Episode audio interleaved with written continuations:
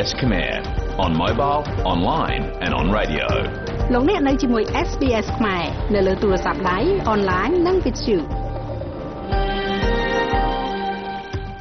យើងខ្ញុំសូមទទួលស្គាល់ទំនៀមទម្លាប់ប្រពៃណីទឹកដីដែលយើងកំពុងតែផ្សាយចេញពីថ្ងៃនេះ SBS ខ្មែរសូមគោរពដល់ប្រជាជនវរុនជេរីវួយវរុននៃប្រជាជាតិខូលីន និងចាស់ទុំរបស់ពួកគេតាំងពីអតីតកាលនិងបច្ចុប្បន្ន យើងក៏សូមទទួលស្គាល់ម្ចាស់ទំនៀមទម្លាប់ប្រពៃណីទឹកដីនៃជនជាតិដើម Aboriginal និងអ្នកកោះ Torres Strait ទាំងអស់ដែលលោកអ្នកកំពុងតែស្ដាប់នេះនៅថ្ងៃនេះគឺជាថ្ងៃទី400ខែពិសាឆ្នាំខាលត្រីស័កពុទ្ធសករាជ2566ដែលត្រូវនៅថ្ងៃពុធទី18ខែឧសភា ឆ្នាំ2022នាងខ្ញុំហៃសុផារនីសូមនាំមកជូននៅកម្មវិធីផ្សាយដែលមានជាបន្តបន្ទាប់ដូចតទៅ គណៈបកនយោបាយឆ្លើយតបពីបញ្ហាអន្តោប្រវេសន៍មុនពេលបោះឆ្នោតស្វែងយល់ពីគ្រាមភាសានយោបាយនៅពេលបោះឆ្នោតថាតើវាមានន័យដូចម្តេចខ្លះលោកនាយករដ្ឋមន្ត្រីហ៊ុនសែនបានចាត់ទុកសកម្មភាពគប់ស្បែកជើងលើរូបលោកថាមិនមែនជារឿងតូចតាចទេតែជាករណីហិង្សាមួយ នឹងបាត់សម្ភារជាមួយនឹងលោកស្រីកងស្រីទូចប្រធានសមាគមខ្មែរនៃរដ្ឋ New South Wales ស្ដីពីរបៀបនៃការបោះឆ្នោតនិងឯកសារចាំបាច់ដែលលោកអ្នកត្រូវយកតាមខ្លួននៅពេលទៅបោះឆ្នោតចាស់ហើយទាំងអស់នេះនឹងមានជម្រាបជូនលោកលោកស្រីអ្នកនាងកញ្ញាបន្ទាប់ពីនេតិព័ត៌មានក្រុមចៅក្រមរដ្ឋសិទ្ធិអ្នកបានស្នើសុំឲ្យគណៈកម្មាធិការសុចរិតភាពសហព័ន្ធជាបន្ទាន់ កំណើនប្រាក់ឈ្នួលនៅក្នុងត្រីមាសខែមីនាបានកើនឡើងត្រឹម0.7%ប៉ុណ្ណោះដែលទាបជាងការព្យាករណ៍ទុកអង្គការសហប្រជាជាតិព្រួយបារម្ភចំពោះផលប៉ះពាល់សិទ្ធិមនុស្សនៃការផ្ទុះឡើងជាផ្លូវការនៃ COVID-19 លើកដំបូងនៅកូរ៉េខាងជើង។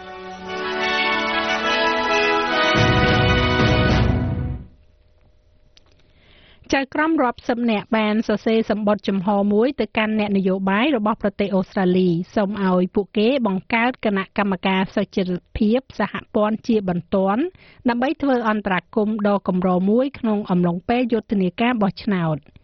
លោកនាយករដ្ឋមន្ត្រី Scott Morrison ពីមុនបានដាក់ស្លាកគណៈកម្មការឯករាជ្យប្រឆាំងនឹងអំពើពុករលួយរបស់រដ្ឋ New South Wales ដែលហៅកាត់ថា ICAC ថាជាតុលាការកង់ហ្គូរូ ដោយសារតែគណៈកម្មការនេះធ្វើសាវនាការជាសាធារណៈគំរូរបស់បកសម្ព័ន្ធសម្រាប់ក្រុមឃ្លាំមើលអំពើពុករលួយដែលមិនត្រូវបាននាំមកសភានោះនឹងធ្វើការបើកសាវនាការជាលក្ខណៈឯកជនលិខិតចំហដែលរៀបចំដោយមជ្ឈមណ្ឌលសម្រាប់សុចរិតភាពសាធារណៈនិយាយថាស្ថាប័នដ៏រឹងមាំមួយគឺចាំបាច់ដើម្បីទប់ស្កាត់ការបំផ្លាញយ៉ាងធ្ងន់ធ្ងរនៃគោលការណ៍ប្រជាធិបតេយ្យរួមគ្នារបស់យើង។ លោក Scott Morrison និយាយថាចៅក្រមមានសិទ្ធិទទួលយកយោបល់របស់ពួកគេប្រាក់ឈ្នួលបានកើនឡើងត្រឹមតែ0.7%ប៉ុណ្ណោះនៅក្នុងត្រីមាសខែមីនានេះពលគឺទាបជាងការព្យាករទុកនិងតិចជាងអត្រាអតិផរណាឆ្ងាយណាស់កំណើនប្រាក់ឈ្នួលប្រចាំឆ្នាំឈរនៅ2.4%ធៀបទៅនឹងអតិផរណា5.1% ដោយដែលធនាគារកណ្ដាលព្យាករណ៍ថាវានឹងចំណាយពេលរហូតដល់ចុងឆ្នាំ2023សម្រាប់កំណើនប្រាក់ឈ្នួលតែស៊ីគ្នានឹងការកើនឡើងនៃថ្លៃចំណាយក្នុងការរស់នៅប្រាក់ឈ្នួលបានคล้ายទៅជាបញ្ហាលេចធ្លោក្នុងអំឡុងពេលយុទ្ធនាការបោះឆ្នោតដោយប៉ាក់ Labor បានសន្យាថានឹងដាក់សំណើទៅគណៈកម្មការយុត្តិធម៌ Fair Work Commission ដើម្បីបង្កើននៅប្រាក់ឈ្នួលអបបរមាប្រសិនបើខ្លួនឈ្នះការបោះឆ្នោតនៅថ្ងៃសៅរ៍នេះ។ បកសម្ព័ន្ធនិយាយថាខ្លួននឹងទុកដំណើរការនេះទៅឲ្យខាង Fair Work Commission ធ្វើការសម្រេចចិត្តដោយឯករាជ្យនៅក្នុងខែមិថុនាលោកនាយករដ្ឋមន្ត្រី Scott Morrison និយាយថាអតិផរណានៅមានកម្រិតទាបនៅឡើយ I'm saying wages are rising and will rise. The challenge ខ្ញុំកំពុងនិយាយថាប្រាក់ឈ្នួលកំពុងកើនឡើងហើយនឹងកើនឡើងទៀតបញ្ហាប្រឈមគឺអតិផរណាហើយនោះជាបញ្ហាប្រឈមជាសកល ដូច្នេះខ្ញុំទាញយកការចិត្តទុកដាក់របស់អ្នកចំពោះការពិតជួបផ្ដោតទៅលើការពិត នៅប្រទេសអូស្ត្រាលីអតិផរណា5.1%នៅនូវែលសេឡង់ស្ទើរតែ7%នៅសហរដ្ឋអាមេរិក8%កន្លះការស្ទង់មតិថ្មីចំនួន2បង្ហាញថា ការប្រណាំងប្រជែងនៅក្នុងការបោះឆ្នោតបានរឹតបន្តឹងនៅក្នុងការពេញចិត្តរបស់បកសម្ព័ន្ធទោះបីជាបក Labor នៅតែនាំមុខលើមូលដ្ឋានគណៈបក2ដែលគេពេញចិត្តក៏ដោយមេដឹកនាំបក Labor លោក Anthony Albanese នឹងថ្លែងទៅកាន់ក្លឹបសារព័ត៌មានជាតិនៅទីក្រុង Canberra នៅរុស្ស៊ីនេះមុនពេលការបោះឆ្នោតសហព័ន្ធនៅថ្ងៃសៅរ៍ គណៈបកប្រឆាំងមួយនេះក្រុងនឹងបញ្ចេញតួលេខចំណាយផ្លូវការរបស់ខ្លួននៅថ្ងៃប្រហ័សស្អែកហើយសមាជិកសភាបក Labor លោក Tony Burke មានប្រសាសន៍ថារដ្ឋាភិបាលរបស់លោកនឹងលើកកម្ពស់ការងារដែលមានសុវត្ថិភាពប្រសិនបើខ្លួនឈ្នះអំណាចអូស្ត្រាលីបានកំណត់គោលដៅលើបុគ្គលដែលមានទំនាក់ទំនងជាមួយនឹងរុស្ស៊ីជាង20នាក់ក្នុងជុំចុងក្រោយនៃការដាក់ទណ្ឌកម្មប្រឆាំងនឹងវិមានក្រឹមឡើង វាកើតឡើងនៅពេលដែលទីក្រុងកំពង់ផែធំបំផុតរបស់អ៊ុយក្រែនគឺទីក្រុង Mariupol ទំនងហាក់ដូចជាធ្លាក់ក្រោមការគ្រប់គ្រងរបស់រុស្ស៊ីនៅពេលដែលអ៊ុយក្រែនផ្លាស់ទីទៅបោះបង់ចោលរោងចក្រដែក Azovstal ដែលជាបន្ទាយដ៏រឹងមាំចុងក្រោយរបស់ទីក្រុងនេះ។ ទណ្ឌកម្មនេះមានគោលដៅសម្ដៅទៅលើអគ្គនាយករងទី1នៃកងកម្លាំងប្រដាប់អាវុធរុស្ស៊ីអ្នកសារព័ត៌មាននិងអ្នកសរសេរព័ត៌មានរុស្ស៊ីនិងរដ្ឋមន្ត្រីស្ដីទីរបស់រុស្ស៊ីក៏ដូចជាស្ថាប័នស្រាវជ្រាវនិងវប្បធម៌ដែលគ្រប់គ្រងរុស្ស៊ីអូស្ត្រាលីរហូតមកទល់នៅពេលនេះបានដាក់ទណ្ឌកម្មលើបុគ្គលជាង800នាក់និងអង្គភាពចំនួន50ចាប់តាំងពីរុស្ស៊ីបានឈ្លានពានអ៊ុយក្រែនកាលពីចុងខែកុម្ភៈមក។ បន្ទាប់ពីការជជែកដេញដោលជាសាធារណៈជាច្រើនឆ្នាំច្បាប់ដែលអនុញ្ញាតឲ្យមនុស្សឈឺដំណាក់កាលចុងក្រោយ បញ្ចប់ជីវិតរបស់ពួកគេដោយស្ម័គ្រចិត្តនៅក្នុងរដ្ឋ New South Wales អាចនឹងឆ្លងផុតសភានៅក្នុងរដ្ឋនេះច្បាប់នេះបានឆ្លងផុតសភាជាន់ទាបរួចហើយហើយអាចត្រូវបានបោះឆ្នោតចុងក្រោយនៅក្នុងសភាជាន់ខ្ពស់នៅថ្ងៃនេះទោះបីជាការស្នើវិសោធនកម្មច្រើនជាង40ចំណុចអាចនាំឲ្យមានការពិភាក្សាដ៏យូរក៏ដោយ។ គេរំពឹងថាទាំងលោកអភិបាលរដ្ឋ Dominic Perrottet និងមេដឹកនាំបកប្រឆាំងលោក Chris Minns នឹងបោះឆ្នោតប្រឆាំងទៅនឹងច្បាប់ដែលបានគ្រោងទុកនេះប៉ុន្តែលោក Alex Greenwich សមាជិកសភាឯករាជ្យសម្រាប់កៅអីទីក្រុង Sydney បានប្រាប់វិទ្យុ 2GB ថាលោកសង្ឃឹមថាទីបំផុតវានឹងអាចឆ្លងផុតបន្ទាប់ពីយុទ្ធនាការជាច្រើនឆ្នាំ។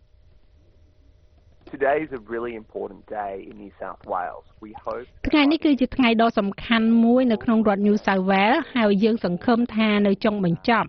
អ្នកដែលមានជំងឺដ៏កាចសាហាវនៅក្នុងដំណាក់កាលចុងក្រោយនឹងអាចបញ្ចប់ការផ្ដល់ការថែទាំជីវិតរបស់ពួកគេ ដូចជាប្រជាជននៅគ្រប់រដ្ឋដទៃទៀតដែរ។ អង្គការសហប្រជាជាតិកំពុងតែសម្ដែងការព្រួយបារម្ភចំពោះផលប៉ះពាល់សិទ្ធិមនុស្សនៃការផ្ទុះឡើងជាផ្លូវការនៃ COVID-19 លើកដំបូងនៅក្នុងប្រទេសកូរ៉េខាងជើងនិងការបិទប្រទេសនេះជាបន្តបន្ទាប់អ្នកនាំពាក្យការិយាល័យសិទ្ធិមនុស្សអង្គការសហប្រជាជាតិលោកស្រី Lee Strosel មានប្រសាសន៍ថាប្រទេសនេះមានហេដ្ឋារចនាសម្ព័ន្ធថែទាំសុខភាពនៅមានកម្រិតដើម្បីទប់ទល់ទៅនឹងវិបត្តិបែបនេះ។ លោកស្រីក៏បានសង្កត់ធ្ងន់ផងដែរអំពីតម្រូវការសម្រាប់ប្រទេសកូរ៉េខាងជើងដើម្បីពិភាក្សាអំពីការបើកបណ្ដាញជំនួយមនុស្សធម៌រួមទាំងថ្នាំពេទ្យវ៉ាក់សាំងឧបករណ៍និងជំនួយសង្គ្រោះជីវិតផ្សេងទៀត។ The latest restrictions which include putting people under strict isolation ការរឹតបន្តឹងចុងក្រោយបង្អស់ដែលរួមមានការដាក់មនុស្សឲ្យដាច់នៅដោយឡែកយ៉ាងតឹងរឹងនិងការដាក់កម្រិតការធ្វើដំណើរបន្ថែមទៀតនឹងមានផលវិបាកធ្ងន់ធ្ងរសម្រាប់អ្នកដែលកំពុងជួបការលំបាកក្នុងការបំពេញតម្រូវការជាមូលដ្ឋានរបស់ពួកគេរួមទាំងការទទួលបាននូវអាហារគ្រប់គ្រាន់សម្រាប់កុមារ ម្ដាយដែលបំបៅដោះកូន មនុស្សចាស់ជនអនាថានិងអ្នករស់នៅក្នុងតំបន់ជនបទដាច់ស្រយាលនិងព្រំដែនគឺកាន់តែងាយរងគ្រោះទៅទៀតចាប់តាំងពីការទទួលស្គាល់លើកដំបូងរបស់ខ្លួនអំពីការផ្ទុះឡើងនៃ COVID-19 ប្រទេសកូរ៉េខាងជើងបានរាយការណ៍ថាមានអ្នកជំងឺ1លាន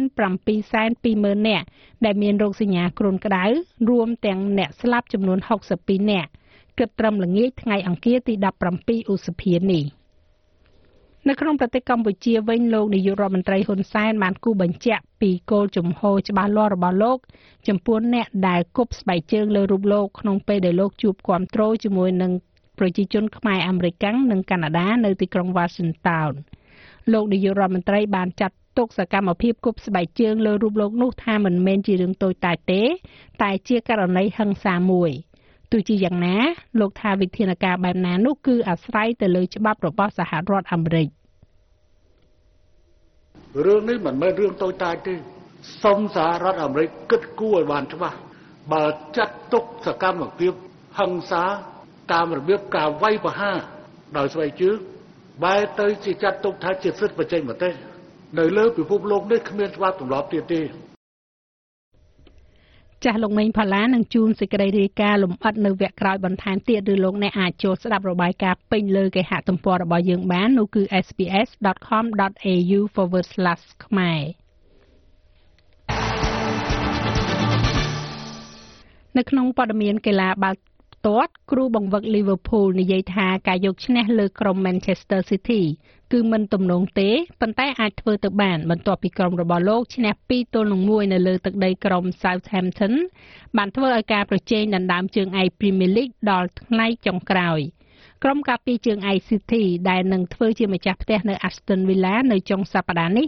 មានមួយពិន្ទុដាច់លើក្រុម Liverpool ដែលឥឡូវនេះនឹងត្រូវជួបជាមួយនឹងក្រុម Wolverhampton Wolves Liverpool ដេញតាមពីក្រោយ Manchester City ដោយ14បន្ទុកនៅថ្ងៃទី15ខែមករាប៉ុន្តែបានឈ្នះ15និងស្មើ2ក្នុងចំណោម17ប្រកួតលីកចាប់តាំងពីពេលនោះមកចំណែកឯអត្រាប្តូរប្រាក់វិញនៅថ្ងៃនេះ1ដុល្លារអូស្ត្រាលីមានតម្លៃប្រមាណជា70សេនប្រាក់ដុល្លារអាមេរិកត្រូវនឹង2850រៀលប្រាក់រៀលខ្មែរ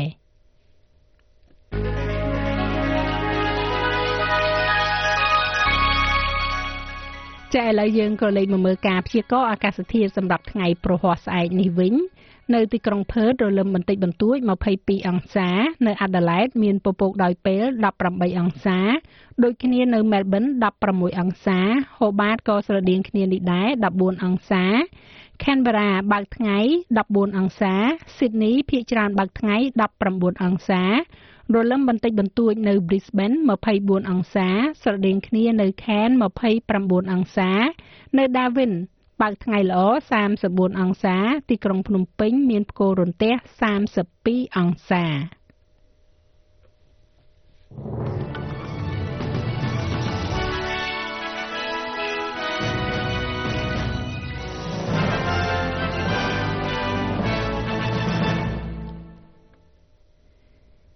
ចាស់លោកលោកស្រីអ្នកនាងកញ្ញាជាទីមេត្រីនេតិព័ត៌មានរបស់ Visu SPS ខ្មែរដែលរួមមានទាំងព័ត៌មានជាតិអន្តរជាតិព័ត៌មានកីឡានិងការព្យាករណ៍អាកាសធាតុដែលលោកអ្នកកំពុងស្ដាប់នៅពេលនេះចាប់តែប៉ុណ្ណេះ នៅក្នុងវគ្គក្រោយលោកអ្នកនឹងបានស្ដាប់នៅរបាយការណ៍នៃនេតិព្រឹត្តិការណ៍បច្ចុប្បន្នដែលមានទាំងរបាយការណ៍ពីក្នុងប្រទេសអូស្ត្រាលីនិងរបាយការណ៍ពីប្រទេសកម្ពុជាផងដែរហើយបន្តមកទៀតក៏នឹងមានបទសម្ភាសន៍ស្ដីអំពីរបៀបនៃការបោះឆ្នោតក៏ប៉ុន្តែនៅពេលនេះយើងខ្ញុំសូមអនុញ្ញាតសម្រាប់បន្តិចសិនសន្យាថានឹងជួបគ្នាវិញនៅក្នុងវគ្គក្រោយក្នុងពេលបន្តិចទៀតនេះ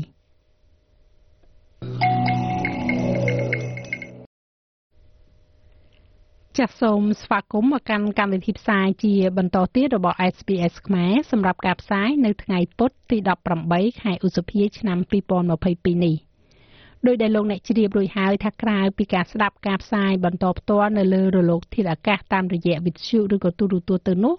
លោកអ្នកអាចបើកស្ដាប់ការផ្សាយរបស់យើងបានមិនថាជាការផ្សាយផ្ទាល់ឬការផ្សាយឡើងវិញតាមរយៈគេហទំព័ររបស់យើងនោះគឺ sps.com.au/ ខ្មែរ ហើយនៅក្នុងវគ្គនេះលោកអ្នកនឹងបានស្ដាប់នៅរបាយការណ៍ចំនួន2ដែលកើតឡើងនៅក្នុងប្រទេសអូស្ត្រាលីយើងផ្ទាល់តែម្ដងរបាយការណ៍ទី1នោះលោកខឹមសរឹមនឹងជម្រាបជូននៅបទយកការស្ដីអំពីការឆ្លើយតបពីបញ្ហាអន្តោប្រវេសន៍របស់គណៈបកនយោបាយនៅក្នុងតំបន់ Dandenong នៃទីក្រុង Melbourne ដែលមានប្រជាជនខ្មែរយើងរស់នៅច្រើននៅមុនពេលការបោះឆ្នោតមកដល់និងរបាយការណ៍មួយទៀតនោះតើលោកអ្នក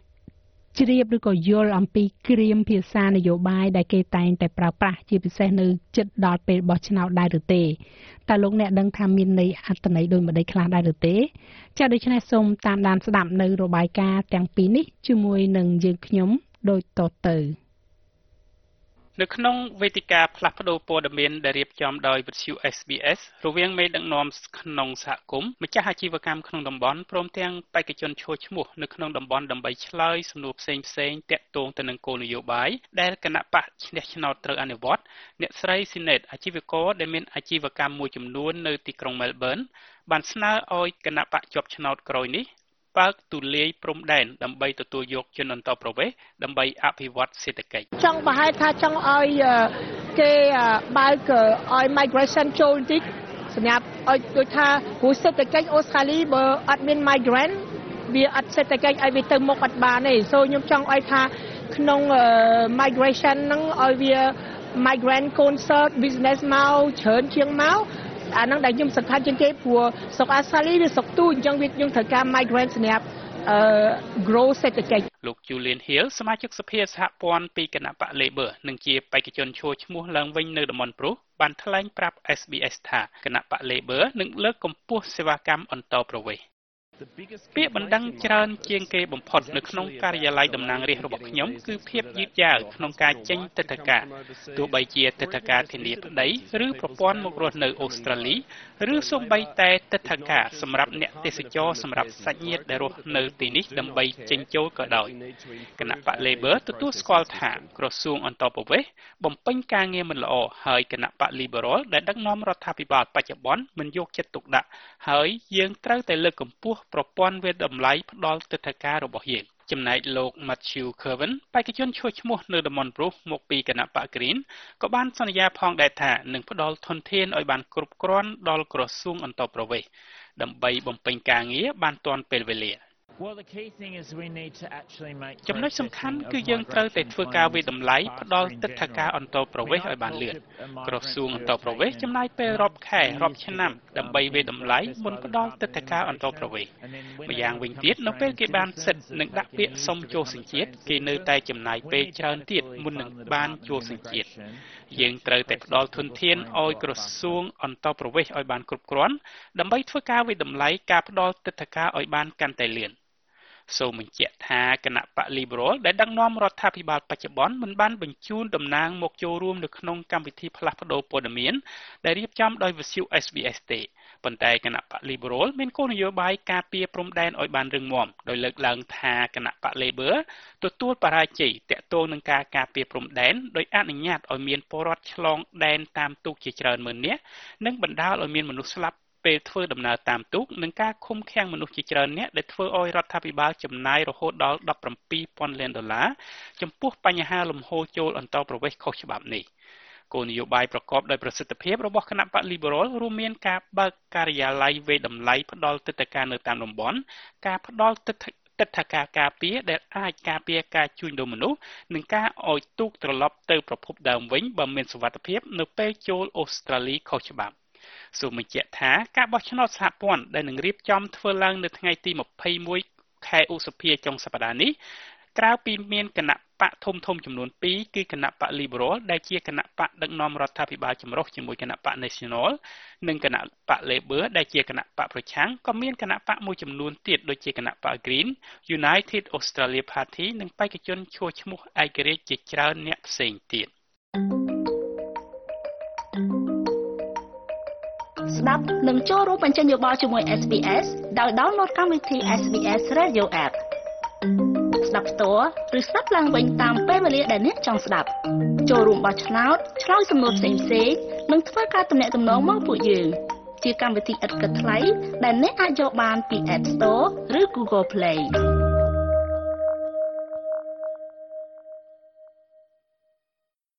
អ្នកនយោបាយអូស្ត្រាលី សារព័ត៌មាន និងអ្នកអត្ថាធិប្បាយនយោបាយប្រើប្រាស់នៅឃ្លាឃ្លោងដូចជាបោះឆ្នោតនៅក្រោមខ្សែបន្ទាត់ប៉ុន្តែតើវាមានន័យយ៉ាងដូចម្ដេចរាប់ចាប់ពីពាក្យថាសាច់ក្រកលទ្ធិប្រជាធិបតេយ្យ Democracy Sausage រហូតដល់ពាក្យធុងសាច់ជ្រូក Pork Barreling ក្រុមអ្នកជំនាញនឹងបំបែកពាក្យនិងឃ្លាឃ្លោងទាំងនេះដែលយើងនឹងឮកាន់តែច្រើនឡើងច្រើនឡើងនៅពេលដែលការបោះឆ្នោតសហព័ន្ធកាន់តែខិតជិតមកដល់។ រាប់ចាប់ពីពាក្យថាការបោះឆ្នោតសត្វលាឬក៏ donkey vote រហូតដល់ពាក្យថាយុទ្ធនាការរោគសម្លេងឆ្នោត Hastings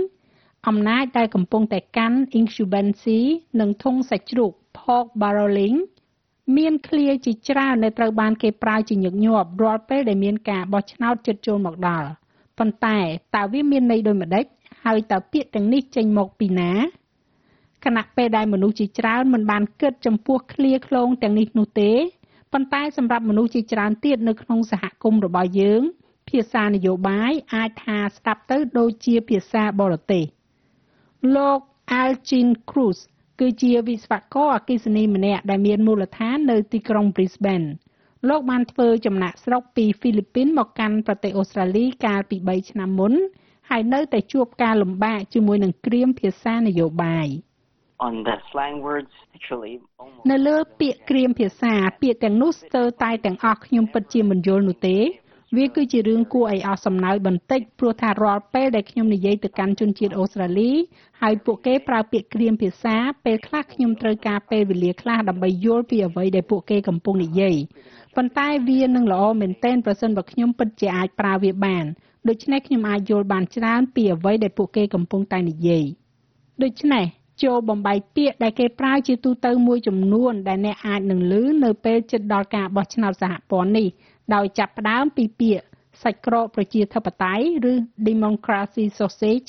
ថាតើវាគឺជាអ្វីចម្លើយខ្លីៗគឺនំ sandwich សាច់ក្រកដែលគេស្គាល់ថាជាសាច់ក្រកដាក់នៅក្នុងនំប៉័ងដែលអ្នកបោះឆ្នោតអាចទទួលបាននៅការិយាល័យបោះឆ្នោត នៅថ្ងៃបោះឆ្នោតប៉ុន្តែវានៅមានច្រើនជាងនេះទៀត សាស្ត្រាចារ្យនិងជាអ្នកនិពន្ធរបស់សាកលវិទ្យាល័យ La Trobe Emeritus Judith Brett និយាយថាមានតាមកំណើតគួរឲ្យចាប់អារម្មណ៍ចំពោះឃ្លានេះដែលបានកើតឡើងប្រហែលជាក្នុងអំឡុងឆ្នាំ2012 a group of young people on social media យុវជនមួយក្រុមនៅលើប្រព័ន្ធផ្សព្វផ្សាយសង្គមបានប្រើពាក្យថាសាច់ក្រកប្រជាធិបតេយ្យនេះដើម្បីនិយាយអំពីកន្លែងដែលអាចទិញសាច់ក្រកសម្រាប់អាហារពេលព្រឹកបាននៅពេលអ្នកទៅបោះឆ្នោតហើយពាក្យនេះក៏បានចាប់ផ្ដើមឡើង យើងក៏លេខមកមើលឃ្លាបោះឆ្នោតសត្វលាឬក៏ donkey vote ផ្ទុយទៅនឹងជំនឿដ៏ពេញនិយមដែលថាវាជាការបោះឆ្នោតដែលបោះឲ្យរួចតែពីដៃតែវាពិតជានៅតែជាការបោះឆ្នោតជាផ្លូវការ vote. A donkey vote is a ballot vote. ការបោះឆ្នោតសត្វលាឬក៏ donkey vote គឺជាការបោះឆ្នោតដែលមានសុពលភាពប៉ុន្តែយើងគិតថាសត្វលាគឺជាសត្វល្ងងដូច្នេះគំនិតនេះគឺថាមាននរណាម្នាក់ចូលទៅក្នុងការិយាល័យបោះឆ្នោតចូលក្នុងស្តង់បោះឆ្នោតហើយគិតថាខ្ញុំមិនដឹងថាមានរឿងអ្វីនៅក្នុងនយោបាយនោះទេខ្ញុំអត់មានការចាប់អារម្មណ៍ចំពោះវាទេខ្ញុំនឹងធ្វើរឿងសាមញ្ញបំផុតនិងលឿនបំផុតដើម្បីចេញឲ្យផុតពីទីនេះ។ អំបញ្ញមិញនេះគឺជាសម្ដីរបស់អ្នកអត្ថាធិប្បាយនយោបាយម្នាក់និងជាសាស្ត្រាចារ្យនៃសាកលវិទ្យាល័យ Griffith គឺលោក Paul Williams រឿងដែលលឿនបំផុតនិងសាមញ្ញបំផុតជាធម្មតានោះមានន័យថាគឺមនុស្សចាប់ផ្ដើមដាក់លេខ1នៅខាងលើគេហើយពួកគេគ្រាន់តែដាក់លេខរៀងតាមលំដាប់លំដោយរហូតដល់ពួកគេដាក់ដល់បាតក្រោមដោយមិនគិតពីអ្វីដែលពួកគេកំពុងធ្វើឬក៏ពួកគេបោះឆ្នោតឲ្យនរណានោះទេ ហើយពាក្យថាសភាព្យួរឬក៏ hang parliament គឺផ្អែកទៅលើគោលគំនិតដូចគ្នានឹងការព្យួរគណៈវិនិច្ឆ័យប៉ុន្តែនៅក្នុងសភាវាមានន័យថាគ្មានគណៈបកណាដែលមានអាសនៈសរុបភាគច្រើនដាច់នោះទេដូច្នេះហើយគ្មានគណៈបកណាមួយអាចបង្កើតរដ្ឋាភិបាលដែលមានសមត្ថភាពគ្រប់គ្រងសភាដោយខ្លួនឯងបានឡើយផ្ទុយទៅវិញគឺពួកគេត្រូវពឹងផ្អែកទៅលើការគ្រប់គ្រងពីគណៈបកផ្សេងទៀតនិងបេក្ខជនឯករាជ្យ អ្នកប្រហែលជាធ្លាប់បានឮលោក Scott Morrison និងលោក Anthony Albanese ស្ថិតនៅលើយុទ្ធនាការរកសម្លេងឆ្នោតដែលភាសាអង់គ្លេសហៅថា hustings ពាក្យថា hustings គឺជាពាក្យអង់គ្លេសដែលត្រូវបានគេប្រើនៅក្នុងប្រទេសអូស្ត្រាលីគណៈដែលប្រទេសនេះបានប្រកាន់យកនយោបាយ Westminster របស់អង់គ្លេសការស្ថិតនៅលើយុទ្ធនាការរកសម្លេងឆ្នោតគឺស្ថិតនៅលើផ្លូវនៃការធ្វើយុទ្ធនាការបោះឆ្នោតចុះអ្នកកាន់អំណាច incumbent និងការកាន់អំណាច incumbency វិញមានន័យដូចម្ដេចយើងឮពាក្យនោះនៅក្នុងពេលបោះឆ្នោត ហើយអ្នកកាន់អំណាចគឺគ្រាន់តែជាអ្នកដែលកាន់តំណែងនៅក្នុងការងារនោះលោកបណ្ឌិត Williams មានប្រសាសន៍ថាគំនិតនៅក្នុងនយោបាយគឺថា ការកាន់អំណាចមានប្រៀបជាងខណៈដែលអ្នកកាន់អំណាចដែលជាបកសម្ព័ន្ធ Liberal និងបក National នៅក្នុងរដ្ឋាភិបាលសហព័ន្ធដែលកំពុងតែបំពេញការងាររួចស្រាប់ហើយ changes of government are quite rare and so some people say that's because there's ការផ្លាស់ប្ដូររដ្ឋាភិបាលគឺកម្រគួរសមហើយដោយសារមនុស្សមួយចំនួននិយាយថានោះដោយសារតែការដែលមានព្រៀបនៅក្នុងការកាន់អំណាចនៅក្នុងប្រទេសអូស្ត្រាលីនៅពេលអ្នកឡើងកាន់តំណែងជាធម្មតាវាពិបាកណាស់នៅក្នុងការដកអ្នកចេញអ្នកត្រូវតែមានហេតុផលធំដើម្បីទាត់ចោលរដ្ឋាភិបាលចេញដូច្នេះការកាន់អំណាចគឺមានតម្លៃហើយប្រកាសណាស់ក្នុងអំឡុងពេលโรគរាតត្បាត COVID ការកាន់អំណាចគឺមានតម្លៃណាស់ អ្នកដឹងទេថាយើងឃើញរដ្ឋាភិបាលថ្នាក់រដ្ឋនិងដែនដីគឺងាយស្រួលក្នុងការឈ្នះការបោះឆ្នោតឡើងវិញដោយសារតែប្រជាជនព្រួយបារម្ភយ៉ាងខ្លាំងអំពីโรគរាតត្បាតហើយពួកគេចង់ប្រកាន់ខ្ជាប់រដ្ឋាភិបាលនេះពួកគេបានដឹងថារដ្ឋាភិបាលកំពុងតែគ្រប់គ្រងនៅជំងឺ Covid ហើយមិនចង់ផ្លាស់ប្ដូរក្នុងពេលមានវិបត្តិនោះទេនាយកមជ្ឈមណ្ឌលវចនានុក្រមជាតិអូស្ត្រាលី Amanda Locheson មានប្រសាសន៍ថាភាសាដែលប្រើជុំវិញនយោបាយនិងអំឡុងពេលបោះឆ្នោត គឺមកពីកន្លែងផ្សេងផ្សេងគ្នា ហើយជារឿយៗត្រូវបានជះឥទ្ធិពលដោយអ្វីដែលកំពុងតែកើតឡើងនៅក្នុងផ្នែករបស់យើងនៅលើសកលលោក។ on the one hand we sort of have things that are particular ម្យ៉ាងវិញទៀតយើងហាក់មានអ្វីដែលពិសេសចំពោះប្រព័ន្ធបោះឆ្នោតរបស់យើងដូច្នេះយើងមានអ្វីដូចជានៅពីលើខ្សែបន្ទាត់ above the line និងខាងក្រោមខ្សែបន្ទាត់ below the line ដែលជាការបញ្ចេញមតិរបស់អូស្ត្រាលីសម្រាប់ប្រព័ន្ធបោះឆ្នោតដ៏ពិសេសប្លែកពីគេរបស់យើងហើយបន្ទាប់មកយើងក៏មានរឿងដែលប៉ះពាល់ដល់បរិបទនយោបាយជាក់លាក់របស់យើងនៅពេលណាមួយផងដែរដូច្នេះជាក់ស្ដែងការបោះឆ្នោតលើកនេះយើងប្រហែលជាមានរឿងពាក់ព័ន្ធនឹងផលប៉ះពាល់នៃ COVID ដែលជាផលវិបាកជាបន្តបន្ទាប់រួមទាំងផលវិបាកសេដ្ឋកិច្ច ជុំវិញបញ្ហាសន្តិសុខអ្វីបែបនោះជុំវិញការគ្រប់គ្រងព្រំដែនបញ្ហាពិសេសគ្រប់ប្រភេទដែលប៉ះពាល់ដល់ប្រទេសអូស្ត្រាលីហើយប្រសិនបើអ្នកឆ្ងល់ថាខាងលើនិងខាងក្រោមខ្សែបន្ទាត់មានន័យយ៉ាងណានៅក្នុងការបោះឆ្នោតអូស្ត្រាលីនោះអ្នកត្រូវបានផ្ដល់ជំរើសនៅក្នុងការបោះឆ្នោតនៅខាងលើឬក៏នៅខាងក្រោមខ្សែបន្ទាត់ក៏បាននៅលើសញ្ញាឆ្នោតសម្រាប់សភាជាន់ខ្ពស់ឬក៏ព្រឹទ្ធសភា ការបោះឆ្នោតនៅពីលើខ្សែបន្ទាត់មានន័យថាអ្នកត្រូវដាក់លេខក្នុងប្រអប់យ៉ាងហោចណាស់6ប្រអប់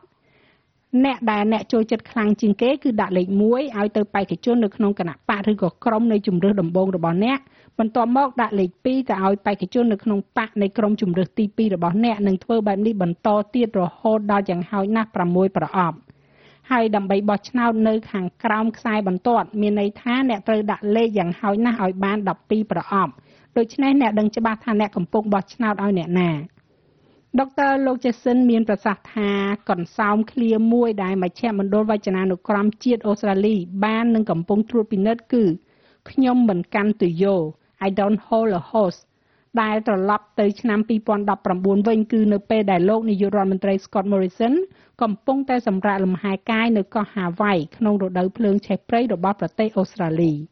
came back he used the expression I don't hold a hose to say well គាត់បានត្រឡប់មកវិញដោយប្រើពាក្យថាខ្ញុំមិនកាន់ទុយោដើម្បីនិយាយថាការពិតគាត់មិនមែនជាអ្នកដែលនៅទីនោះដើម្បីដោះស្រាយបញ្ហាផ្ទាល់ជាមួយភ្លើងឆេះព្រៃដោយផ្ទាល់នោះទេ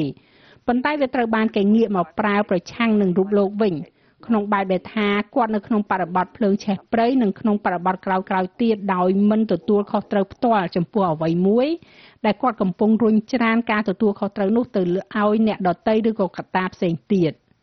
យើងក៏បានលើ ពាក្យបេក្ខជន Manchu ឬក៏ Manchurian candidate នៅពេលថ្មីថ្មីនេះផងដែរប៉ុន្តែតើវាមានន័យដូចម្ដេច We've seen that term come up recently in Parliament. យើងបានឃើញពាក្យនោះកើតឡើងនៅពេលថ្មីថ្មីក្នុងសភាដោយភាគីទាំងពីរនៃគណៈបកនយោបាយប៉ុន្តែខ្ញុំគិតថាដំបូងឡើយដោយបកសម្ព័ន្ធប្រើលើបក Labor សំដៅទៅលើការពិតដែលថាពួកគេប្រហែលជាអាណិតចិនច្រើនជាងរដ្ឋាភិបាលបច្ចុប្បន្នគិតទៅទៀត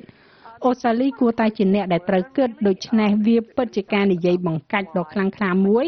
ព្រោះវាពិតជាមានបង្កប់ន័យដែលខ្ញុំគិតថាជាធាតុមួយនៃការក្បត់ជាតិដែលខ្ញុំគិតថាវាប្រើធ្ងន់ធ្ងរបំផុតដូច្នេះខ្ញុំគិតថាវាអាចជាពាក្យដែលមានឥទ្ធិពលខ្លាំងឥឡូវនេះជាសូមក្រឡេកមកមើលពាក្យថាធុងសាច់ជ្រូកឬក៏ pork barreling វិញវាត្រូវបានកំណត់នៅក្នុងវចនានុក្រម Macquarie ថាជាការផ្គត់ផ្គង់ចំណែកមិនសមរម្យនៃប្រាក់រដ្ឋាភិបាលជាថ្នូរនឹងការគ្រប់គ្រងផ្នែកនយោបាយ ឧទាហរណ៍នៃរឿងនេះគឺប្រសិនបើអ្នកនយោបាយនិយាយទៅកាន់អ្នកបោះឆ្នោតនៅទីក្រុងស៊ីដនីថាពួកគេនឹងសាងសង់ផ្លូវថ្មីប្រសិនបើពួកគេឈ្នះការបោះឆ្នោតនៅក្នុងតំបន់ពាក្យថាធុងសាច់ជ្រូកឬក៏ pork barreling បានមកពីសហរដ្ឋអាមេរិកដែលធុងសាច់ជ្រូកគឺជាអាហារសំខាន់សម្រាប់អ្នកដែលមានទ្រព្យសម្បត្តិនៅក្នុងសតវត្សទី19សរុបមកវាគឺជាការសន្យាដែលអ្នកនយោបាយផ្ដល់ជូនប្រសិនបើអ្នកគ្រប់គ្រងពួកគេពួកគេនឹងគ្រប់គ្រងអ្នកវិញ លោក Algin Cruz និយាយថាក្រៀមភាសានយោបាយអាចជារឿងល្អសម្រាប់មនុស្សដែលរីកធំធាត់ឡើងនៅក្នុងប្រទេសអូស្ត្រាលីខណៈដែលពួកគេមានពេលសម្រាប់ទម្លាប់ខ្លួនឯងចំពោះពាក្យស្លោកក្រៀមភាសាទាំងនោះប៉ុន្តែសម្រាប់ជនចំណាក់ស្រុកថ្មីថ្មោងដូចជារូបលោកលោកនិយាយថាសូម្បីតែនៅពេលដែលអ្នកបើកចិត្តរៀនឃ្លាឃ្លោងទាំងនេះក៏ដោយក៏វានៅតែជាឧបសគ្គនៅក្នុងការយល់ដឹងអំពីនយោបាយអូស្ត្រាលីដែរ If you're going to tell me that would it benefit the Australian politics ប្រសិនបើអ្នកនឹងប្រាប់ខ្ញុំថាតើវាមានប្រយោជន៍ដល់នយោបាយអូស្ត្រាលីទេខ្ញុំចង់និយាយថាព្រោះអូស្ត្រាលីមានជនចំណាក់ស្រុកផ្សេងផ្សេងគ្នាមកពីប្រទេសផ្សេងផ្សេងគ្នាដូច្នេះជនចំណាក់ស្រុកកាន់តែច្រើនចូលមកបោះឆ្នោតពួកគេមិនដឹងថាពួកគេកំពុងធ្វើអ្វីនោះទេគេមិនដឹងថាអ្នកណាទៅបោះឆ្នោតហើយអ្នកណាមិនទៅបោះឆ្នោតនោះទេ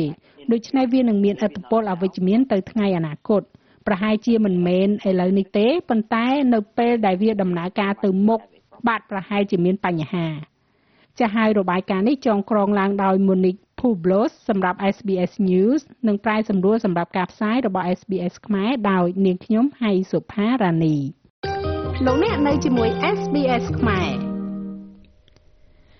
ចាស់របាយការណ៍អំបញ្ញមិញនេះមានចែកជូននៅលើ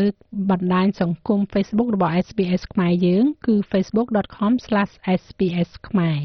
នៅក្នុងវគ្គក្រោយលោកអ្នកនឹងបានស្ដាប់នៅរបាយការណ៍ពីប្រទេសកម្ពុជាជាមួយនឹងលោកមេងផល្លាវិញម្ដង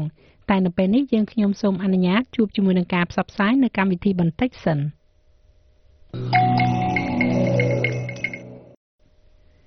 ចាលោកលោកស្រីអ្នកនាងកញ្ញាជាទីមេត្រីនៅពេលនេះគឺម៉ោង3:34នាទីហើយមកនៅក្នុងបន្ទប់ផ្សាយបន្តផ្ទាល់ពី Studio នៅទីក្រុង Melbourne ហើយលោកអ្នកកំពុងតែតាមដានស្ដាប់ការផ្សាយរបស់យើងដែលមានការផ្សាយបន្តផ្ទាល់នៅរៀងរាល់ថ្ងៃពុធនិងថ្ងៃសុក្រវេលាម៉ោង3ដល់ម៉ោង4រសៀលម៉ោងស្តង់ដារអូស្ត្រាលីខាងកើតនៅក្នុងវគ្គនេះលោកអ្នកនឹងបានស្ដាប់នៅរបាយការណ៍ចំនួន2ពីប្រទេសកម្ពុជា ដែលរបាយការណ៍ទី1នោះនិយាយពាក់ព័ន្ធជាមួយនឹងការដែលលោកនាយករដ្ឋមន្ត្រីហ៊ុនសែនចាត់ទុកការគប់ស្បែកជើងលើរូបលោកថាជារឿងករណីហិង្សាមួយនិងរបាយការណ៍មួយទៀតនិយាយពាក់ព័ន្ធជាមួយនឹងអ្នកដែលមិនបានចាក់វ៉ាក់សាំងបង្ការ COVID ពេលដែលចូលទៅកម្ពុជាត្រូវតែធ្វើតេស្តនិងធ្វើចតាឡេសាក់7ថ្ងៃចា៎ដូច្នេះសូមតាមដានស្ដាប់នៅរបាយការណ៍ទាំងពីរនេះជាមួយនឹងលោកមេងផល្លាដូចតទៅ បន្ទាប់ពីបានស្ងប់ស្ងាត់អស់រយៈពេលជាច្រើនថ្ងៃកាលពីថ្ងៃទី17ខែឧសភាលោកយមត្រីហ៊ុនសែនបានគូបញ្ជាក់ពីចំហច្បាស់លាស់របស់លោកចំពោះអ្នកគប់ស្បែកជើងលើរូបលោកក្នុងពេលលោកជួបក្រុមអ្នកគ្រប់គ្រងជាខ្មែរអាមេរិកាំងនិងកាណាដានៅទីក្រុង Washington សហរដ្ឋអាមេរិកកាលពីយប់ថ្ងៃទី11ខែឧសភា លោកយរដ្ឋមន្ត្រីហ៊ុនសែនបានចាត់ទុកសកម្មភាពគប់ស្បែកជើងលើរូបលោកនោះថាមិនមែនជារឿងតូចតាចទេតែជាករណីហិង្សាមួយទោះយ៉ាងណាលោករដ្ឋមន្ត្រីមិនអនុញ្ញាតឲ្យក្រសួងការបរទេសកម្ពុជាក៏ដូចជាស្ថានទូតកម្ពុជាប្រចាំនៅសហរដ្ឋអាមេរិកធ្វើកំណត់ទូតដើម្បីទាមទារឲ្យសហរដ្ឋអាមេរិកចាត់វិធានការចំពោះបរិសុទ្ធជនជាតិខ្មែរដែលដោះស្បែកជើងគប់ក្បាលលោកនោះឡើយក៏ប៉ុន្តែលោកថាវិធានការបែបនេះគឺអាស្រ័យទៅលើច្បាប់របស់សហរដ្ឋអាមេរិកខ្លួនឯង អ្នកដែលគប់ខ្ញុំគេកំពុងចាត់ទុកថាជាវីរៈបរោះរឿងនេះខ្ញុំសូមលើកបន្តិចដើម្បីឲ្យបានដឹងហើយជាសារបញ្ជូនទៅរដ្ឋការរបស់សហរដ្ឋអាមេរិកផងប្រធានាធិបតីអតីតប្រធានាធិបតីអាមេរិកប៊ូសក៏ត្រូវបានអ្នកសារព័ត៌មានចូលទៅបន្លំចូលទៅរួចហើយគប់ពីស្បែកជើងប៉ុន្តែប្រធានាធិបតីប៊ូសក៏មិនត្រូវទេប្រធានាធិបតីប្រាំង តែទៅនឹងជាប់ថ្នោតថ្មីថ្មីថែមទៀតមួយណាត់ក្រោយនេះគាត់ក៏ត្រូវគេទេផ្ទះកំភ្លៀងដែរឥឡូវសម្រាប់ខ្ញុំខ្ញុំបានឲ្យសារតាំងពីទីនេះថាសូមឲ្យបងប្អូនអ្នកដែលមកកំមកតងត្រខ្ញុំកុំធ្វើសកម្មភាពណាមួយតបតជាមួយនឹងក្រុមប្រឆាំងគេធ្វើបាតកម្មប្រឆាំងជាសិទ្ធិរបស់គេដែលយើងពិនិត្យហើយថតរូបភាពបាន មានការចូលរួមខ្មែរផងវៀតណាមផងថៃផងមីយ៉ាម៉ាផង មនុស្សរបស់គេនោះដូចជាប្រហែលជា100នាក់ជាងដែរផនគេព័ន្ធថាប្រមាណក៏បានដែរឥឡូវហើយភ្លាមនោះបើសិនជាខ្ញុំបដ ாய் អ្នកដែលគប់ខ្ញុំនេះអាចនឹងគ្រោះថ្នាក់ហើយព្រោះកុំភ្លេចថាក្រៅពីកម្លាំងអាមេរិកកម្លាំងរបស់យើងក៏នៅក្នុងក្រមដែលមកគ្រប់គ្រងនេះអាចធ្វើសកម្មភាពបានភ្លាមប៉ុន្តែខ្ញុំឲ្យវិជាដាច់ណាត់រឿងនេះ ជាផតសំណាងរបស់អ្នកឯងហើយខ្លួនខ្ញុំផ្ទាល់ក្រសួងការបរទេសយើងក៏មិនធ្វើសកម្មភាពអីដែរខ្ញុំបានទទួលសំណូមពរពីទីក្រុងភ្នំពេញ3កម្លាំងកម្លាំង3សូមធ្វើបាតកម្មប្រឆាំងស្ថានទូតអាមេរិកទាមទារឲ្យអាមេរិកដោះស្រាយប៉ុន្តែខ្ញុំបានប្រាប់មកទីក្រុងភ្នំពេញថាកុំធ្វើអ្វីទាំងអស់តាមរយៈបទសភាដែលមានតាមទៅដល់សេអ៊ូល មានរបៀបរៀបចំធ្វើយ៉ាងម៉េចដើម្បីឲ្យបានចូល ជាការប៉ុនប៉ងហើយក៏បានធ្វើសកម្មភាពដែរដែរតើសហរដ្ឋអាមេរិកចាត់ទុកថានេះជាសិទ្ធិបច្ចេកមតិឬក៏ជាហិង្សាខ្ញុំប្រាំផ្ញើទៅភាគីអាមេរិកខ្ញុំមិនបដៅអាមេរិកទេអាមេរិកត្រូវគិតឲ្យច្បាស់លើចំណុចនេះសង្ឃឹមថាអេអាដាមអគ្គរដ្ឋទូតនៅទីក្រុងភ្នំពេញបញ្ជូនសារនេះទាំងស្រុងទៅកាន់រដ្ឋបាលអាមេរិក បើសិនជាអាមេរិកចាត់ទុកថារឿងនេះវាជាសិទ្ធិបច្ចេកមតិប្រហែលជារឿងនេះនឹងកើតនៅគ្រប់ប្រទេសទាំងអស់រាប់ទាំងកម្ពុជាចាស់លោកលោកស្រីនៅនាងកញ្ញារបាយការណ៍ពេញលោកអ្នកអាចចូលស្ដាប់នៅលើគេហទំព័ររបស់យើងបាននោះគឺ sps.com.au/ ខ្មែរហើយរបាយការណ៍បន្ទាប់នោះគឺនិយាយពាក់ព័ន្ធជាមួយនឹងការធ្វើតេស្ត និងធ្វើចតាឡេស័កសម្រាប់អ្នកដែលធ្វើដំណើរចូលកម្ពុជាដោយមិនបានចាក់វ៉ាក់សាំងបង្ការ COVID ក្នុងពិធីសំណេះសំណាលជាមួយក្រុមគ្រូពេទ្យស្ម័គ្រចិត្តប្រឆាំង COVID-19 នៅសាលពិព័រណ៍ជ្រោយចង្វាក្នុងរាជធានីភ្នំពេញកាលពីព្រឹកថ្ងៃទី17ខែឧសភាម្សិលមិញលោកយមត្រីហ៊ុនសែនបានប្រកាសពីការកំណត់គោលការណ៍អនុវត្តទេសចរវ៉ាក់សាំងនៅកម្ពុជា នោះគឺរាល់អ្នកដំណើរដែលមិនបានចាក់វ៉ាក់សាំងពេលចូលមកកម្ពុជាមិនថាជាជនជាតិខ្មែរឬក៏ជាជនបរទេសនោះទេ គឺត្រូវតែធ្វើតេស្តរោគ COVID-19 និងធ្វើចតល័យស័ករយៈពេល7ថ្ងៃនៅពេលមកដល់កម្ពុជាផ្ទុយទៅវិញលោកយមត្រីហ៊ុនសែនបញ្ជាក់ថាចំពោះអ្នកដែលចាក់វ៉ាក់សាំងរួចហើយគឺចូលមកកម្ពុជាងាយស្រួលណាស់ដោយមិនចាំបាច់ធ្វើតេស្តនិងធ្វើចតល័យស័កឡើយពលគឺកម្ពុជាត្រូវអនុវត្តទេសចរវ៉ាក់សាំង ខ្ញុំគួរតែនិយាយទុកឲ្យហើយព្រោះតាមសំណូមពររបស់អាដាមថងខុនចង់លើកលែងការធ្វើចិត្តល័យស័កសម្រាប់អ្នកដែលមិនបានចាក់វ៉ាក់សាំងឬថាវៀតណាមគេប្រុងធ្វើឬថាថៃប្រុងធ្វើចំពោះខ្ញុំខ្ញុំបានបញ្ជូនសារហ្នឹងទៅឲ្យអាដាមអូនពាន់មេរតអាដាមមកពុនហេងលោកទេយុសម្បត្តិលោកទេអវ៉ាឌិនឲ្យសិក្សាឲ្យ ខ្ញុំវាយទឹកសម្លេងឲ្យទៅប៉ុន្តែសម្រាប់ខ្ញុំខ្ញុំអត់ព្រមទេឯកទេសថាមិនថាចោះព្រោះអីយើងកំពុងនាំគ្នាជំរុញឲ្យចាក់វ៉ាក់សាំងបែរជាលើកលែងហើយណាស់ដែលមិនបានចាក់វ៉ាក់សាំងដែលយើងបន្ថយពីតាធ្វើចិត្តតលែស័ក14ថ្ងៃមកនៅទៅ7ថ្ងៃរួចផុតទៅទៀតអញ្ចឹងមានអ្នកណាចង់ចាក់វ៉ាក់សាំងបន្ថែមលើនោះវាអត្តពលទៅលើប្រទេសនានា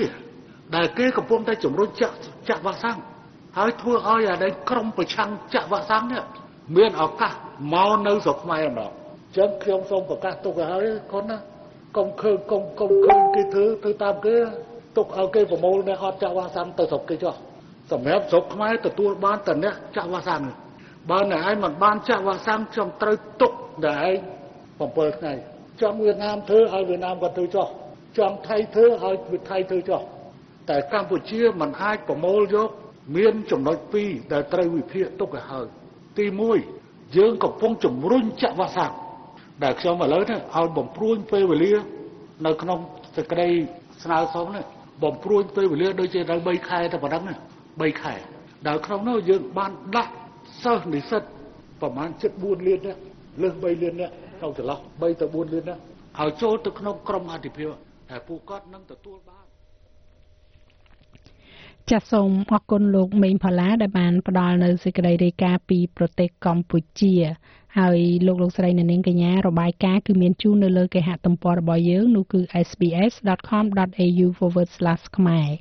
នៅក្នុងវគ្គក្រោយលោកអ្នកនឹងបានស្ដាប់នៅបទសម្ភាសន៍រវាងកញ្ញា ឡៅដាណេជាមួយនឹងលោកស្រីកងស្រីទូចដែលជាប្រធានសមាគមខ្មែរនៃរដ្ឋ New South Wales ស្ដីអំពីរបៀបនៃការបោះឆ្នោតវិញម្ដង តែនៅពេលនេះយើងខ្ញុំសូមអនុញ្ញាតជួបជាមួយនឹងការផ្សព្វផ្សាយនៅកម្មវិធីបន្តិចសិន។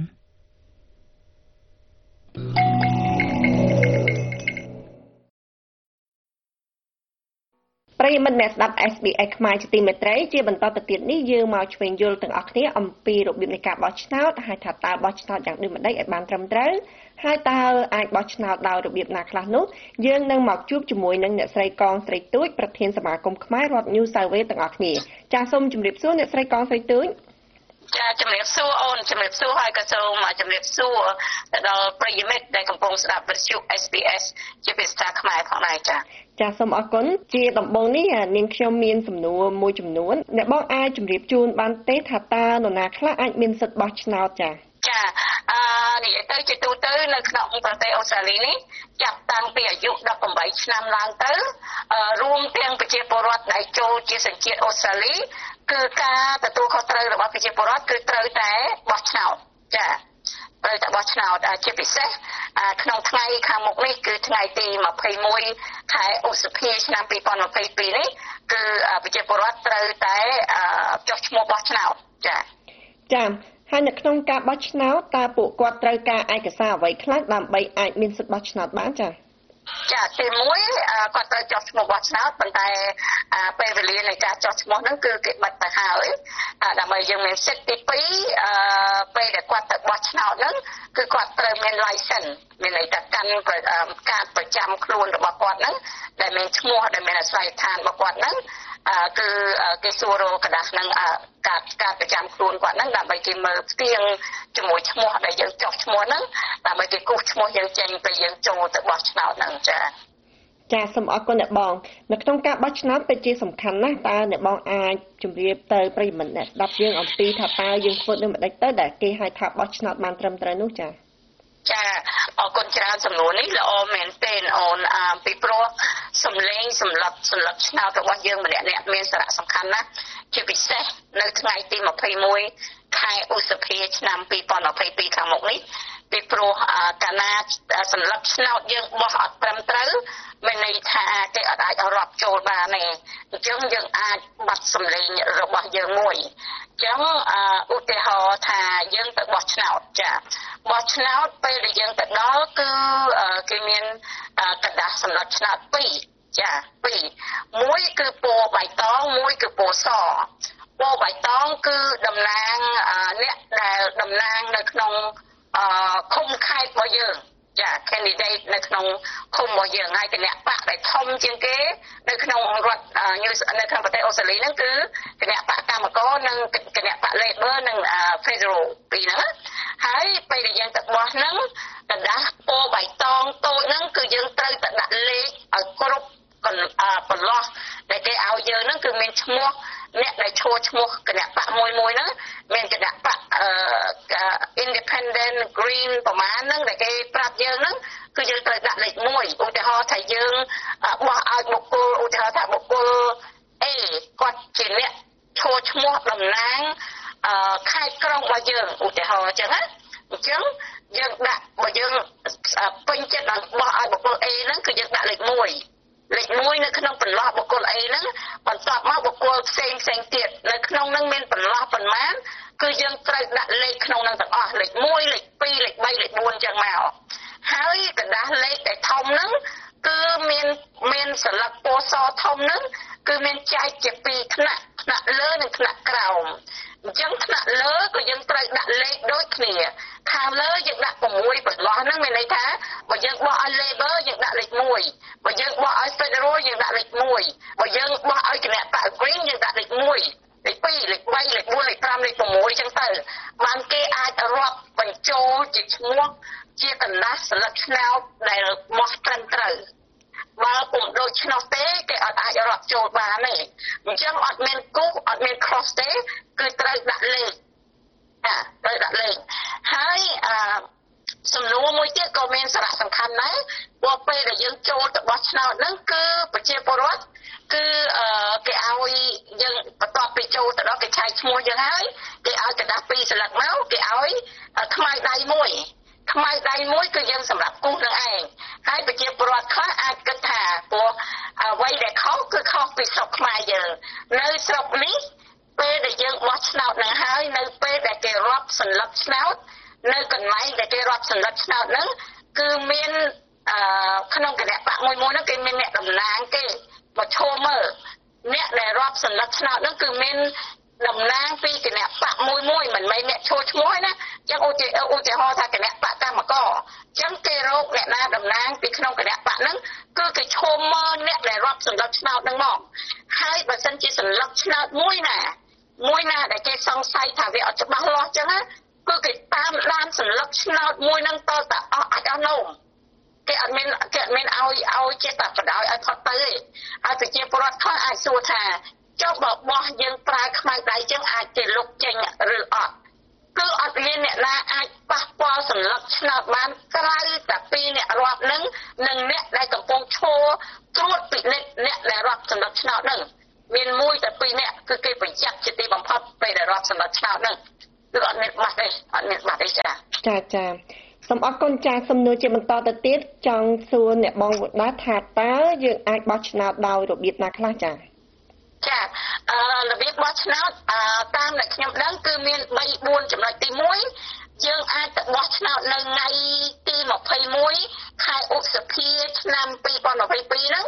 ខែខែខែនឹងត្មងហ្នឹងគឺយើងអាចចាំទៅបោះពេលហ្នឹងក៏បានហើយពេលនេះ ឬក៏យើងអាចបោះមុនគឺចាប់តាំងពីថ្ងៃទី9ខែឧសភាឆ្នាំ2022គឺយើងអាចបោះមុនបានប៉ុន្តែគេមានលក្ខខណ្ឌទេទី1គេសួរថាមូលហេតុអ្វីដែលអ្នកចង់បោះឆ្នោតមុនអញ្ចឹងអ្នកខ្លះគាត់អាចថាថ្ងៃទី21ហ្នឹងគាត់ត្រូវទៅប្រទេសក្រៅ ថ្ងៃទី21ហ្នឹងគាត់ត្រូវទៅមន្ទីរពេទ្យថ្ងៃទី21គាត់ចាប់ធ្វើការលក្ខនឹងលក្ខចឹងអញ្ចឹងវាមានហេតុផលអញ្ចឹងទៅយើងប្រាប់គេអូដោយសារថ្ងៃទី21ខ្ញុំធ្វើការអញ្ចឹងខ្ញុំអត់បានមកបោះទេដូច្នេះគេអនុញ្ញាតឲ្យយើងបោះពេលឥឡូវបានហើយកន្លែងដែលបោះឆ្នោតមុនពេលបានហ្នឹងគឺគេមានដាក់ចូលនៅក្នុង website ហ្នឹងហើយបើយើងជាសហគមន៍ខ្មែរដូចខ្ញុំផ្ទាល់គឺយើងធ្វើជូនព័ត៌មានដល់ប្រជាពលរដ្ឋទៅដល់កន្លែងផ្សាយហ្នឹងគឺយើងផ្សាយចេញឲ្យប្រជាពលរដ្ឋដឹងថា ឧទាហរណ៍ថាយើងនៅក្នុងតំបន់មុនរិចនៅក្នុងតំបន់ Fairfield ឥឡូវពេលនេះកន្លែងបោះឆ្នោតគឺបើកហើយគឺនៅកន្លែងនេះអាស្រ័យថានៅកន្លែងនេះបងប្អូនអាចអញ្ជើញមកបោះមុនចាហើយចាប់ពីថ្ងៃទី9រហូតដល់ថ្ងៃទី21ហើយមួយទៀតសារៈសំខាន់ផងដែរចំពោះប្រជាពលរដ្ឋដែលមិនទាន់ច្បាស់ពេលដែលយើងចូលទៅដល់បើសិនជាយើងមើលសន្លឹកឆ្នោត ពណ៌បៃតងឬក៏ពណ៌សនឹងយើងដឹងដូចអត់ច្បាស់សោះខ្លាចខ្លាចខុសខ្លាចអីចឹងគេមានអ្នកជំនួយការទេដែលចាំបញ្យល់ឲ្យយើងធ្វើយ៉ាងណាឲ្យយើងបោះឲ្យត្រូវទៅតាមអ្វីដែលជាតម្រូវការគេអត់ប្រាប់ឲ្យយើងអឺគូចេះចោលអីគេគាត់ថានេះអ្នកឯងត្រូវគូមួយកន្លោះកន្លោះចឹងទៅបើអញ្ចឹងទេគេអាចរាប់បានទេអញ្ចឹងគេមានអ្នកចាំជួយមើលហើយបើយើងអត់ស្ចេះចេះអឺភាសា អង់គ្លេសគេមានអ្នកជួយបកប្រែឲ្យយើងទៀតលក្ខនឹងលក្ខហើយអ្វីដែលសំខាន់ជាទីបំផុតដែលខ្ញុំសូមអឺជូនព័ត៌មានទៅដល់មិត្តអ្នកស្ដាប់ទាំងអស់ជាពិសេសលោកអ៊ំលោកពូអ្នកមីងជាពិសេសខ្មែរខ្មែរយើងទាំងអស់ណាអូនគឺបងប្អូនជៀសវាង កុំសួរថាអ្នកឯងបោះឆ្នោតឲ្យអ្នកណាឧទាហរណ៍ថាយើងដើរទៅចូលបោះឆ្នោតស្រាប់ឃើញមិត្តភ័ក្តិយើងឬក៏អ្នកណាអ្នកណីចេញចេញពីកន្លែងបោះឆ្នោតមកធម្មតាយើងរាក់ទាក់គ្នាពេលខ្លះយើងមានយើងមានចិត្តល្អឯពេលយើងសួរហ្នឹងបោះយើងកុំសួរគេអូអ្នកឯងបោះឲ្យអ្នកណាអ្នកឯងបោះឲ្យឧទាហរណ៍ថាអូអ្នកឯងបោះឲ្យ Labor ឬក៏ Federal កុំសួរគេសំណួរហ្នឹងឲ្យសោះព្រោះយើងអត់មានសិទ្ធិយើងអត់ត្រូវចាំបាច់សួរគេរីឯអ្នកផ្សេងទៀតក៏ដូចគ្នា យើងអត់ចាំបាច់ប្រាប់អ្នកណាថាយើងបោះឲ្យឲ្យអ្នកណាអ្នកណីទេអត់មានអ្នកណាចាំបាច់ដឹងទេព្រោះនឹងជារឿងសម្បត្តិរបស់យើងប៉ុន្តែបើសិនជាយើងចង់ប្រាប់គ្នាគ្នារបស់យើងឲ្យដឹងវាជាសិទ្ធិរបស់យើងប៉ុន្តែជាទូទៅយើងមិនបាច់ប្រាប់អ្នកណាឲ្យដឹងថាយើងបោះឲ្យអ្នកនេះអ្នកនោះមិនបាច់ទេយើងបាត់វាអត់សំខាន់ណាកន្លែងហ្នឹងធ្វើយ៉ាងណាឲ្យតែយើងពន្យល់ប្រាប់គ្នាឲ្យបោះឲ្យត្រូវដើម្បីឲ្យសម្លេងរបស់យើងហ្នឹង វាបានរាប់បានវាបានលឺអញ្ចឹងណាព្រោះធម្មតាពេលបោះឆ្នោតនេះសំខាន់ណាព្រោះយើងត្រូវដឹងថាតើ policy នយោបាយវិន័យរបស់គណៈបកកម្មករនឹងគេមានអីខ្លះគេយកចិត្តទុកដាក់ជាមួយខាងគិលានុបដ្ឋាយិកាខាងពេទ្យខាងលោកគ្រូអ្នកគ្រូអ្នកពិការចាស់ចាស់ លក្ខណៈនឹងគេយកចិត្តទុកដាក់យ៉ាងណាហើយដូចថាខ្លះតកតងនឹងសិទ្ធិមនុស្សឬបញ្ហាពីស្រុកយើងមកដល់ស្រុកនេះលក្ខណៈហ្នឹងតើគេយកចិត្តទុកដាក់ដល់ថ្នាក់ណាអញ្ចឹងសម្លេងរបស់យើងបើយើងចង់បោះឲ្យ label គឺយើងធ្វើម៉េចឲ្យសម្លេងរបស់យើងសន្លឹកឆ្នោតរបស់យើងវាត្រឹមត្រូវគេអាចរាប់បាន Federal ក៏ដូចគ្នា Green ក៏ដូចគ្នាអញ្ចឹងអានឹងវាសំខាន់អញ្ចឹងណា សម្លេងរបស់យើងនៅពេលនេះចាចាសូមអរគុណអ្នកបងបានក្បោះក្បាយមែនទែនចាសំណួរមួយទៀតអ្នកបងតើនៅក្នុងការបោះឆ្នោតនេះដែរប្រសិនបើមានប្រជាពលរដ្ឋណាម្នាក់ដែលគាត់មិនអាចទៅបោះឆ្នោតបានដោយបំណងគាត់មិនចង់ទៅបោះតើមានអ្វីកើតឡើងចំពោះពួកគាត់ដែរចាចាអឺបើសិនជាគាត់មួយទៀតដែលគាត់បើសិនជាគាត់អាចទៅបានឬក៏គាត់ខ្លាចឆ្លង COVID-19 គាត់អាចបោះតាមប្រៃសណីបាន គាត់អាចបំពេញកណ្ដាស់ឲ្យផ្ញើតាមប៉ុស្តិ៍ទៅគេតែចម្រាប់សម្រាប់ចំណុចនេះគឺថាគាត់មិនចង់ទៅបោះឆ្នោតតើវាមានការផាកពិន័យអ្វីដែរទេណាបងចា៎ចាបើសិនជាគាត់អត់ទៅបោះឆ្នោតអានោះគេអាចផាកពិន័យគាត់ប៉ុន្តែខ្ញុំអត់ច្បាស់ថាផាកប្រហែលណាប៉ុន្តែគាត់គេគេដឹងតែផាកពិន័យយើងហើយព្រោះហ្នឹងមានន័យថាយើងអត់ទទួលខុសត្រូវក្នុងនាមជាប្រជាពលរដ្ឋមួយចា៎ហើយវាជាច្បាប់របស់ប្រទេសអូស្ត្រាលីយើងត្រូវតែបោះចា៎ សូមអរគុណអ្នកបងមែនតើតើអ្នកបងមានសារអ្វីផ្ដាំផ្ញើទៅប្រជាពលរដ្ឋយើងទាំងអស់គ្នាចា៎ចា សាររបស់ខ្ញុំជាដំបូងខ្ញុំសូមអរគុណដល់បងអូនស្រីមែនទែនដែលតែងតែតាក់ទងមកដល់នាងខ្ញុំដែលជាប្រធានសហគមន៍ខ្មែរនៅក្នុងរដ្ឋនីសាវ៉ាល់ដើម្បីជូនព័ត៌មានទៅដល់ប្រជាពលរដ្ឋខ្មែរយើងហើយមួយទៀតនាងខ្ញុំក៏សូមសំណូមពរឲ្យប្រជាពលរដ្ឋយើងទាំងនៅក្នុងរដ្ឋនីសាវ៉ាល់និងនៅរដ្ឋនានាផ្សេងៗទាំងអស់យើងត្រូវតែមានការទទួលខុសត្រូវខ្ពស់ហើយទៅបោះឆ្នោតឲ្យទាន់ពេលវេលាហើយនៅពេលដែលបងប្អូនបោះឆ្នោតសូមបងប្អូនមេត្តាបោះឆ្នោតឲ្យបានត្រឹមត្រូវ ហើយឲ្យឲ្យឲ្យសម្លេងយើងគេរាប់បានហើយបើសិនជាបងប្អូនអត់យល់ពីអ្នកដែលចូលឈ្មោះឬក៏គណៈបកមួយណាច្បាស់លាស់បងប្អូនអាចស៊ើបសួរអ្នកដែលគេដឹងឮខ្លះខ្លះដើម្បីឲ្យយើងសម្រេចចិត្តត្រូវក្នុងការបោះឆ្នោតហើយខ្ញុំសង្ឃឹមថាប្រជាពលរដ្ឋយើងច្បាស់ជាមានឧត្តមគតិខ្ពស់ក្នុងការទទួលខុសត្រូវនៅរដូវកាលបោះឆ្នោតនៅក្នុងឆ្នាំ2022នេះព្រោះកាលណាយើងបោះឆ្នោតសម្លេងយើងត្រូវយើងរើសអ្នកដឹកនាំបានល្អសហគមន៍យើងសមាគមប្រជាពលរដ្ឋយើងក៏អាចមានចំនួនច្រើនដើម្បីយើងអាចជួយគ្នាគ្នាបានច្រើនបន្តទៀតចឹងណាចឹងចុងក្រោយខ្ញុំសូមអរគុណហើយសូមជូនពរឲ្យពុកម៉ែបងប្អូនជួបប្រទះតែនឹងសេចក្តីសុខសប្បាយពីពេលនេះទៅថ្ងៃអនាគតចាសូមអរគុណចាសូមអរគុណសូមអរគុណអ្នកបងច្រើនណាស់ចាសូមជម្រាបលាប៉ុណ្ណេះសិនសូមជូនពរអ្នកបងបានទទួលសុខភាពល្អនិងសំណាងល្អចា សាធុសុខសប្បាយចាជម្រាបលាចាសម្រាប់ SBS ខ្មែរតាមវិទ្យុតាមប្រព័ន្ធអនឡាញនិងតាមទូរស័ព្ទដៃ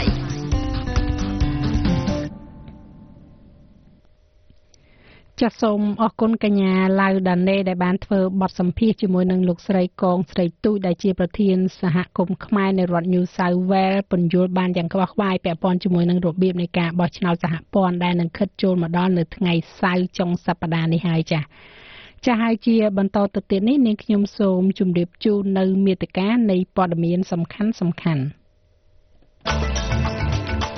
ក្រុមចៅក្រមរាប់សិបនាក់បានស្នើសុំឲ្យបង្កើតគណៈកម្មការសុចរិតភាពសហព័ន្ធជាបន្ទាន់កំណើនប្រាក់ឈ្នួលនៅក្នុងត្រីមាសខែមីនាបានកើនឡើងត្រឹមតែ0.7%ប៉ុណ្ណោះដែលទាបជាងការព្យាករណ៍ទុកអង្គការសហប្រជាជាតិព្រួយបារម្ភចំពោះផលប៉ះពាល់សិទ្ធិមនុស្សនៃការផ្ទុះឡើងជាផ្លូវការនៃ COVID-19 លើកដំបូងនៅកូរ៉េខាងជើង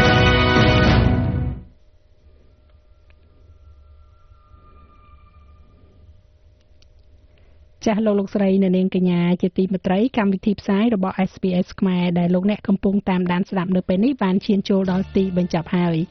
យើងខ្ញុំសូមអរគុណដល់លោកអ្នកដែលតែងតែចំណាយពេលវេលាតាមដានស្ដាប់កម្មវិធីរបស់យើងតាំងពីដើមរហូតមក